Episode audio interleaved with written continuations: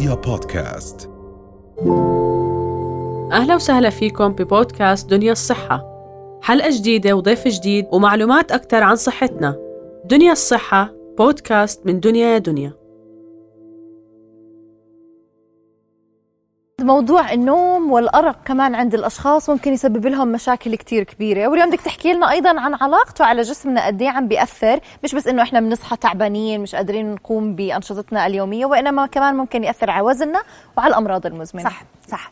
بتعرفي ليلك أنا بحب دائما أبسط المواضيع قد ما بقدر. خليني اعطيكي يوم اعتيادي لشخص بينام بكير بيصحى بكير كل اليوم بيكون ممتاز.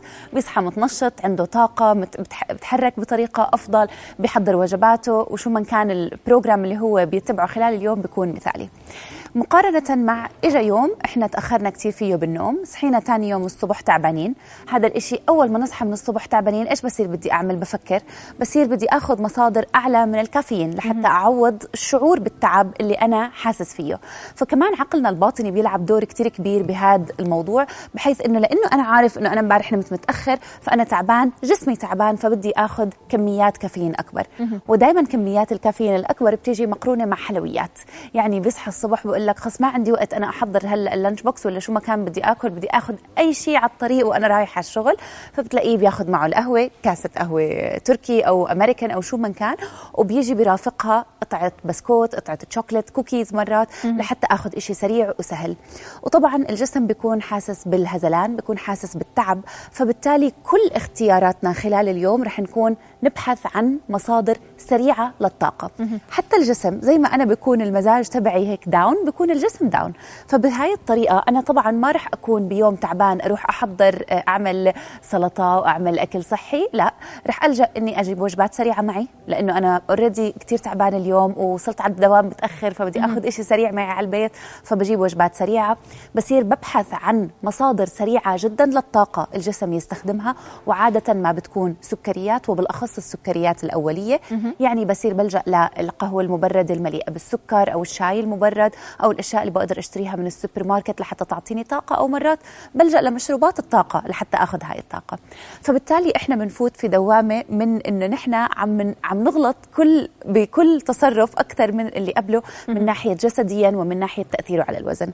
فإذا بدنا نحكي بشكل مبسط إذا أنا ما بنام ساعات كافية كيف بقدر اثر على وزني بطريقة سلبية؟ اللي بصير إنه إحنا بننام ساعات أقل نرتاح لساعات أقل الجسم بفيق الصبح تعبان بيلجأ لأنه يبحث عن مصادر للسكر سريعة الامتصاص لحتى الجسم ياخذ منها طاقة.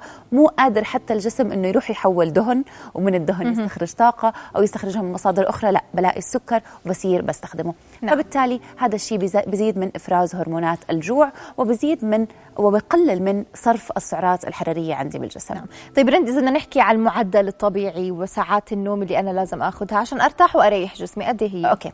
بشكل عام إحنا دائما كنا ننصح على فكرة السبع ساعات إنه نحن ننام من سبع إلى تسع ساعات ولكن أنا برجع بذكر إنه هو حسب الأجسام. في أجسام بترتاح تماما من ست ساعات. في أجسام ترتاح تماما من سبعة ثمانية أو تسعة. فالأفضل دائما إنه أنا أحاول أراقب جسمي لمدة أسبوع. كل يوم أسجل الوقت اللي نمت فيه والوقت اللي صحيت فيه وأراقب أي أيام أنا كنت فيها بشعر بكامل الراحة. على فكرة مرات زيادة النوم لتسع ساعات وأكثر هي المسبب الرئيسي للشعور بالخمول. الشخص بقول بحس حاله هيك ثقيل لما يصحى الصبح.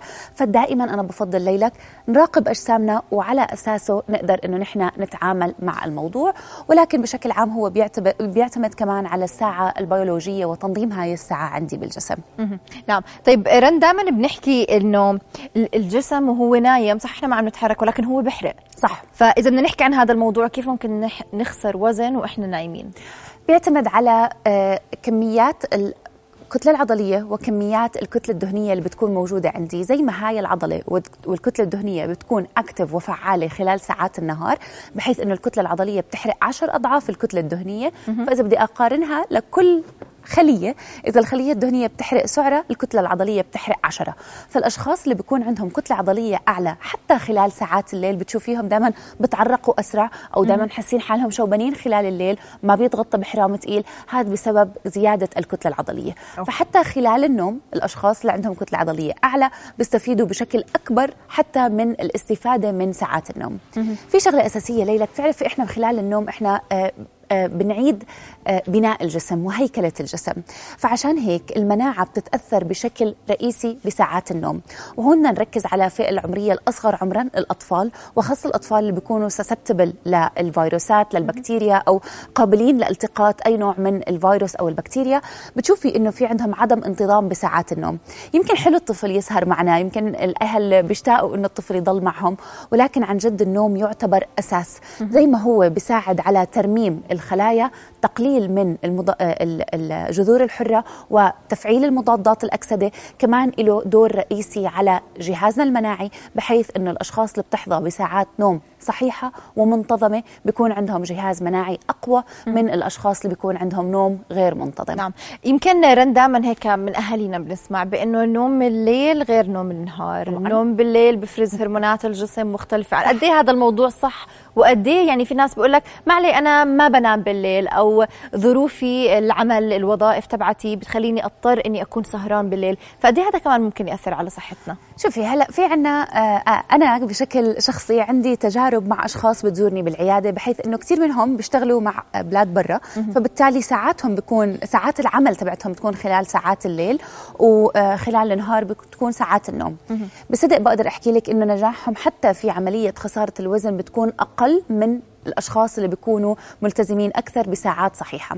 في عندنا هرمون بالجسم اسمه الميلاتونين. الميلاتونين هو الهرمون الرئيسي اللي يفرز لما تغيب الشمس والجسم يصير يقرأ إنه اللي حواليه صار آه، آه، أجواء ليلية بحيث انه الجسم بصير يقلل من إفراز الهرمونات الحركة الأدرينالين الكورتيزون وبصير يفرز كميات أكبر من الميلاتونين عشان هيك الجسم بيسترخي.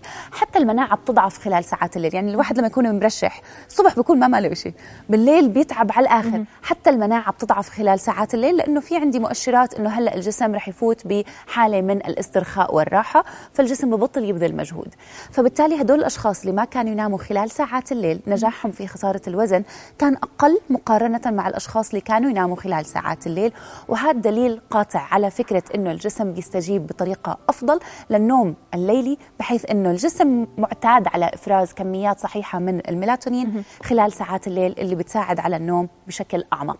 نعم. إحنا دائما ليلة ما بنركز على فكرة آه، ساعات النوم إحنا بنركز على فكرة جودة النوم أو quality of sleep. بتعرفي في كثير أشخاص وبالأخص الأشخاص المدخنين واللي عندهم كميات دهون كبيرة على منطقة البطن بيعانوا من مشكلة تسمى سليب أبنيا يعني بتشوفيه هو نايم بيختنق والاختناق بخليه يصحى. وهذا الإشي بيتكرر يمكن 10 15 مرة خلال ساعات الليل. هدول الأشخاص مؤكد إنهم ما عم بفوتوا بالنوم العميق اللي هو بيساعد بشكل رئيسي على ترميم الجسم والتخلص من الأمراض. 70% من الأمراض المزمنة اللي نصاب فيها هي للأسف بسبب عاداتنا الخاطئة اللي بتنعكس بشكل سلبي على النوم الخاطئ. نعم. فقد إيه إحنا لازم معناته نركز على موضوع النوم عشان يحمينا من الإصابة بالأمراض مش بس صح. يعني الموضوع بطل بس إنه يكون كسل أو أنا مش قادر أمشي يومي لا كمان ممكن ينعكس علي ويسبب لي أمراض بعيد الشر. صح صح. أمراض متعددة وبالأخص الأمراض المزمنة. نصائح عامة لحتى نحن نقدر نحظى بجودة نوم أفضل.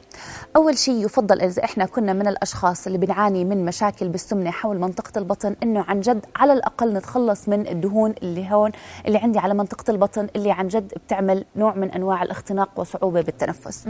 هاي أول شغلة. ثاني شغلة نحاول نباعد ما بين وجبة العشاء والنوم.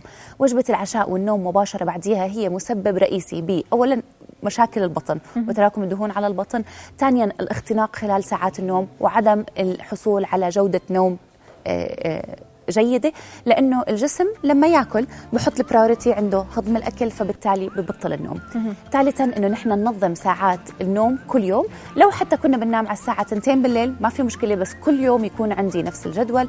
ورابعا نركز على الأغذية اللي بتحتوي على التريبتوفان حمض أميني يساعد على استرخاء العضلات. إذا شكرا لوجودك معنا رند أديسة أخصائية التغذية العلاجية وشكرا على كل النصائح والمعلومات. شكرا لك ليلى.